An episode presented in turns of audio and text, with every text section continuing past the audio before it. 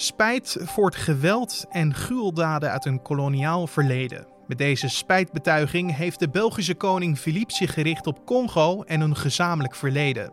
Waarom heeft de huidige Belgische vorst spijt van de daden van zoveel jaren geleden? En aan welke gruweldaden moet je dan denken? Nou, je hoort het in deze Dit wordt nieuws podcast. De Congolese bevolking moest rubber uh, produceren, moest quota halen. En uh, wie daar niets aan voldeed, wie zich daartegen verzette, uh, ja, werd het slachtoffer van, van uh, brandschattingen. dus hele dorpen die werden um, met de grond gelijk gemaakt, van, van gijzelingen, vrouwen die werden gegijzeld zodanig dat hun echtgenotes um, zouden gaan halen, executies, lijfstraffen enzovoort. Dat was hoogleraar koloniale geschiedenis Idesbald Goderes van KU Leuven. Over dit onderwerp gaan we straks met hem uitgebreid verder praten. Dus over de brief van koning Filip aan Congo en waarom hij spijt heeft. En dus aan welke gruweldaden je moet denken uit die tijd. Dat hoor je allemaal zo. Maar eerst kijken we kort naar het belangrijkste nieuws van nu. Mijn naam is Carne van der Brink. Het is vandaag dinsdag 30 juni. En dit is de Dit wordt het nieuws middagpodcast. Een paar bijeenkomsten waarbij in de afgelopen weken veel mensen aanwezig waren, lijken niet tot nieuwe besmettingen van het coronavirus te hebben geleid. Toch wijzigt het RIVM het advies voor grote evenementen niet. Anderhalf meter afstand houden blijft het devies. Het risico blijft hetzelfde. Het virus kan in no time weer oplaaien. Zo reageert het instituut. We kunnen geen conclusies trekken uit bijvoorbeeld het drukke hemelvaartsweekend en de grote antiracisme demonstraties, zo waarschuwt het RIVM met klem. Dat het een paar keer goed is gegaan, betekent nadrukkelijk niet dat het niet weer heel snel mis kan gaan, legt een woordvoerder uit. We hebben half maart gezien dat het aantal besmettingen in een paar dagen heel hard op kan lopen. Die situatie kan zich heel snel weer voordoen als we de controle over het virus verliezen. Het risico erop is onverminderd hoog. Het Openbaar Ministerie eist 24 jaar cel en TWS met dwangverpleging tegen Thijs H. voor doodsteken van drie wandelaars in mei van vorig jaar. De man is door experts van het Pieterbaancentrum ontoerekeningsvatbaar verklaard, als gevolg van een ernstige psychose. Maar de officieren van justitie gaan hier niet in mee. Het OM liet tijdens eerdere zittingen al doorschemeren vraagtekens te zetten bij de conclusies dat H ontoerekeningsvatbaar is. Het OM ziet namelijk een bepaalde mate van bewust handelen van Thijs H. Door de coronacrisis is het vertrouwen in de politiek sterk gestegen. De aanpak van de pandemie door de regering wordt als daadkrachtig gezien. Een mogelijke oorzaak hiervoor is de drang naar eensgezindheid in tijden van crisis, zo schrijft het Sociaal en Cultureel Planbureau. Ze krijgen onder meer als positieve antwoorden dat het kabinet rust en eenheid uitstraalt, doorpakt en de leiding neemt in moeilijke tijden. Ook de goede overheidsfinanciën die nu als buffer worden gebruikt om de economie er bovenop te helpen, krijgen waardering. Vooral als dat wordt vergeleken met buurlanden die er financieel minder goed voor staan. En verpleegkundigen op de intensive care afdelingen moeten minder in deeltijd en meer fulltime gaan werken, om zo de capaciteit op de intensive care te vergroten. Dat adviseert het Landelijk Netwerk Acute Zorg in een rapport dat is aangeboden aan minister Martin van Rijn van Medische Zorg en Sport. Die IC-capaciteit in Nederlandse ziekenhuizen bestaat op dit moment uit ruim 1150 bedden. Maar om coronapatiënten in de toekomst IC-zorg te kunnen bieden en om de reguliere zorg door te kunnen laten gaan, moet die capaciteit structureel omhoog naar 1350 bedden. Voor de structurele verhoging van het aantal IC-bedden is vooral het werven van voldoende personeel een knelpunt. Dan een brief die flink wat stof heeft doen opwaaien bij onze zuidenburen. Want koning Philippe heeft op de 60ste verjaardag van de Congolese onafhankelijkheid een brief naar de huidige president van de Republiek gestuurd, waarin hij diepste spijt betuigt voor de geweld en gruweldaden door België in de voormalige kolonie Congo. Congo werd in 1985 de persoonlijke kolonie van koning Leopold II, die daar bijna een genocidaal bewind voerde. Recent nog werden standbeelden van de oud-koning beklad en verwijderd. Wat hij precies heeft gedaan en hoe België en Congo nu terugkijken op een koloniale band, dat vroeg ik aan hoogleraar koloniale geschiedenis Idesbald Goderes van KU Leuven. Maar waarom was koning Leopold II gecharmeerd van Congo? Ja, dus 1885, het was niet echt zijn privédomein, het was een, een aparte staat die hij als autocraat helemaal bestuurde. Twee kronen. Hij was koning van België, maar hij was ook de bestuurder van de onafhankelijke Congo-staat of de Congo-vrijstaat, zoals we die vroeger noemden. Waarom, Congo, waarom alleen Leopold uh, gecharmeerd was door Congo niet, is, is misschien een, verkeerde vraag. Um, in de zin dat, dat ook andere mogendheden geïnteresseerd waren in Centraal-Afrika. Uh, Frankrijk was vanuit uh, de Congo-stroom, dus het huidige land Congo-Brazzaville, Groot-Brittannië droomde ervan om uh, Zuid-Afrika met uh, Egypte te verbinden. Um, Nederland was afwezig in, in uh, Afrika, maar dat komt vooral door de Atier-oorlog dus, en, en de, de, aanwezigheid in Nederlands-Indië. Dus er waren veel landen die meededen aan die, die wedijver om Afrika. Waarom heeft Leopold het gekregen? Eigenlijk is dat omdat dat de zwakste figuur was. Um, in die zin dus dat men ervan uitging dat die onafhankelijke Congo-staat uh, vlug bankroet zou gaan en uh, dat men zich dan ten gronde over de verdeling van uh, wat nu Congo is zou kunnen buigen. Leopold was dus ja, de zwakste van de koloniale spelers, maar tegelijkertijd ook een, een zeer sluw man. En, en zijn diplomaten hebben elke afzonderlijke mogendheid, dus vooral het, het Duitsland van Bismarck, uh, Groot-Brittannië en Frankrijk, apart, maar ook Portugal, uh, apart kunnen overtuigen via allerlei manieren om dus heel dat gebied uh, aan hem te geven. En dat is gelukt um, in 1885. Congo was dus in het bezit van Leopold II toen der tijd. En hij heeft heel veel geld verdiend door de productie van ivoor, maar eigenlijk het meeste door rubber. Hè? Uh, aanvankelijk um, ja, hoopte hij winst te kunnen maken met uh, ivoor, maar dat ging. En eigenlijk is hij pas gered uh, door um, de productie van rubber in de jaren 1890. De rubber kwam er op een juist moment. De vraag naar rubber was enorm gestegen doordat de automobiel was uitgevonden, de rubberband. Dunlop, dat is 1888. Michelin 1889. Dus er was een enorme vraag naar rubber. En andere kolonies uh, hadden nog niet de avantages um, die die rubber konden, konden produceren. Door die geschiedenis van dus die eerste jaren, misschien de eerste tien jaar van financiële uh, problemen, leningen, schulden enzovoort, um, en plots die, die grote uh, financiële mogelijkheden, heeft uh, Leopold alles uit de kast gehaald om zoveel mogelijk rubber in, uh, in Congo te gaan produceren en in uh, het Westen op de markt te brengen. Alleen daarvoor werden wel heel veel Congolezen uitgebuit en gemarteld. Op welke manier precies? Dat was een, een, een roofeconomie in, in de zin. Dus Leopold heeft gewoon de Congolese bevolking een belasting in natura opgelegd. De Congolese bevolking moest rubber produceren, moest quota halen.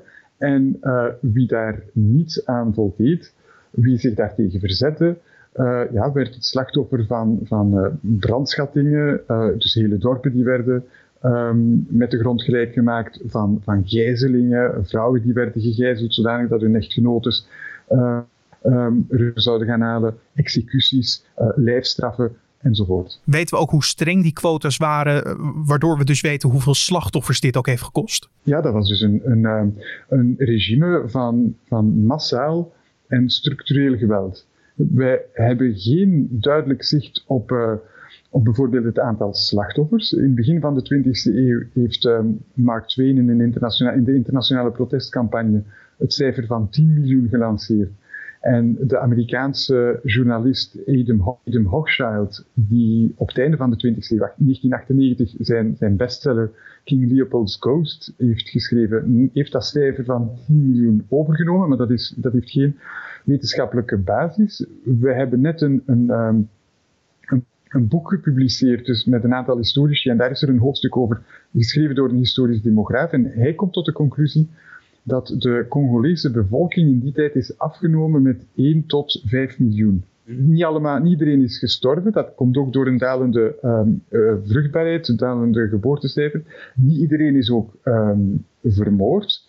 Um, dat komt dus ook door honger, ontbering, uh, ziektes enzovoort. Uh, maar het blijft wel een, een, een enorm hoog aantal. Ook iets wat inherent aan deze tijd staat en aan het beeld van de kolonie is dat er veel handen werden afgehakt van de arbeiders.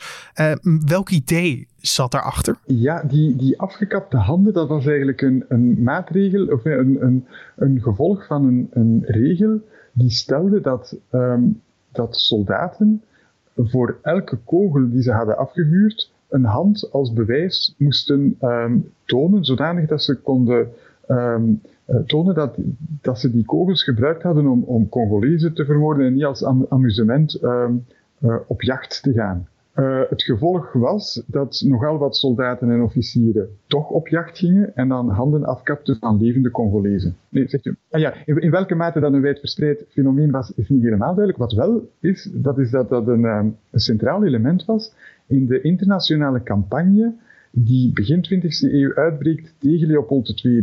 dus ook een moderne campagne met, met foto's, met, met uh, media enzovoort. En daarin hebben die handen wel een, een, een belangrijke rol gespeeld. In 1908 moet na veel internationale kritiek, zoals u net al aangaf, uh, Leopold II afstand doen van de kolonie en wordt het een Belgische kolonie. Was dat ook gelijk het einde van alle gruweldaden? Het grote geweld stopt dan. Dus die rubberterreur, um, die executies enzovoort, dat is echt iets van, van de onafhankelijke Congo-staat tot 1908. Men, in België heeft men graag het beeld voorgehouden van een, een grote discontinuïteit. Hè. Dus we, alle wantoestanden dateren van Leopold II. En uh, nadien is, uh, was, was Belgisch-Congo een modelkolonie. Nu, Intussen weten wij ook al dat ook dat niet waar is en dat er ook veel zaken zijn van continuïteit. Er, uh, er bleef dwangarbeid, er bleven arbeiders omkomen, bijvoorbeeld bij het aanleggen van spoorwegen. Er was veel racisme, er was meer segregatie dan in, in de meeste andere kolonies. Er was uh, geen politieke participatie van Congolezen. Die, uh, er zijn, zijn heel veel criteria waar dat, waar dat Belgisch Congo ook zeer uh, slecht in scoorde. Sinds 1960 is Congo onafhankelijk. Maar hoe kijkt België nu terug op hun uh, koloniale verleden? In die 60 jaar sinds de onafhankelijkheid, dus 1960-2020, is er al heel veel gebeurd. De eerste jaren, decennia, was er enerzijds een stilzwijgen. België had een kater aan, aan de decolonisatie. Een, een, uh, ja, had dat niet zien aankomen en, en dan ja, kwam er die Congo-crisis um, die jaren heeft geduurd. Dus de oplossing was ofwel erover zwijgen, uh, ofwel um, het koloniale narratief, de, de oud-kolonialen die waren teruggekeerd, dat die verhalen gewoon verder blijven uh, navertellen. Maar over het algemeen, zeker na verloop van, van decennia, is, is het zwijgen eigenlijk uh, belangrijk geweest. Wat we nu zien, of de voorbije jaren zien, is dat er een tweede generatie van die migranten voldoende mondig is om het woord te nemen en, en dus eigenlijk een tegenstem gaat vormen in, in die, die debatten. Ja, maar vandaag dan die brief van, van de koning eh, met erin de woorden van spijt, maar geen excuses. Uh, gaat het dan wel ver genoeg?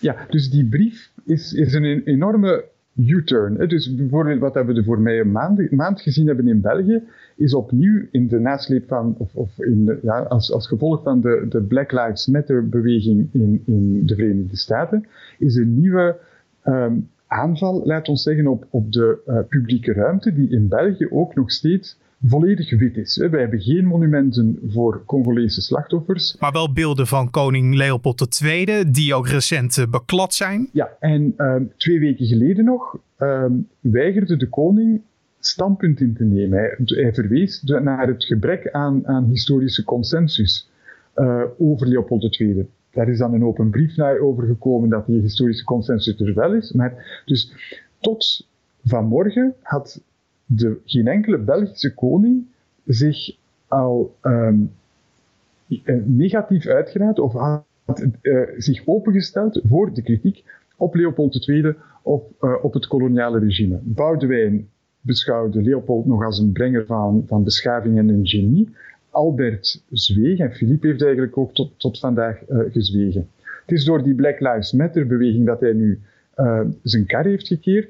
En het is een, een, een, uh, een, grote bocht. Akkoord, het is dus alleen maar een spijtbetuiging, het zijn, het zijn geen excuses. Um, maar ik denk dat het ook te vroeg zou geweest zijn voor excuses, um, omdat vorige week ook is beslist dat er een, um, heeft het parlement beslist dat er een commissie komt rond koloniaal verleden. Dus er zal de komende maanden, vooral dan na de zomer, nagedacht worden daarover. En het zou raar geweest zijn moest de koning nu plots met excuses afgekomen zijn. Maar hoe kijkt Congo dan naar dit alles? Zij voelen zich verlaten door ons. En, en Congolezen hebben gelijk. dat ehm, België de laatste decennia Congo de rug heeft, heeft toegekeerd. En, en dat er heel weinig, ehm, nog heel weinig banden zijn uh, tussen beide landen. Congolezen vragen natuurlijk niet de terugkeer naar het koloniale regime. Congo Congolezen vragen een, een soort van engagement de dag van vandaag. Uh, het is misschien ook tekenend dat wij vooral bezig zijn met excuses over het, of, of spijt over het verleden. Ik denk dat Congo vooral naar het heden en de toekomst kijkt. Dat was hoogleraar koloniale geschiedenis Idesbald Goderes van KU Leuven. En dan het weer. Vanavond zijn in het hele land perioden met regen en motregen. De meeste neerslag valt in het zuiden en midden van het land. De wind neemt wel iets van kracht af, maar die gaat nog niet liggen. Komende nacht neemt de neerslag toe en gaat het vaker en harder regenen. De nacht zal afkoelen naar 14 graden in het noordoosten en 17 in het zuiden. Morgenochtend is het in het zuiden nog lange tijd nat. In het noorden wordt het nagenoeg droog en in de namiddag wordt het ook in het zuiden van het land droog. De temperatuur ligt rond de 20 graden. En om af te sluiten nog even dit. Astronomen van de Europese Zuidelijke Sterrenwacht staan voor een mysterie. Ze zijn namelijk een zware ster diep in het heelal kwijtgeraakt. Mogelijk is de ster ineengestort tot een zwart gat, zonder dat daar een supernova vooraf is gegaan. Dat zou een unicum voor de wetenschap zijn. Een andere verklaring van de astronomen voor de verdwijning is een stuk minder spannend. Die is namelijk dat de ster plotseling een stuk minder helder is geworden en ook nog eens door stof verduisterd is geraakt. Volgens de astronomen is verder onderzoek nodig om vast te kunnen stellen wat er precies met deze ster is gebeurd. En dit was dan de Dit wordt het nieuws podcast voor deze dinsdagmiddag 30 juni. Je vindt de podcast in de ochtend en in de middag op de voorpagina van nu.nl en in je favoriete podcast app zoals een Spotify, Apple Podcast en Google Podcast. Help ons altijd door feedback, suggesties en vragen door te sturen naar podcast.nu.nl. Dat is ons mailadres podcast.nu.nl of een recensie achter te laten bij Apple Podcast. Mijn naam is Carne van der Brink. Ik wens je nog een hele mooie dag en avond. Maak er iets moois van, dan ga ik dat ook doen. Tot de volgende.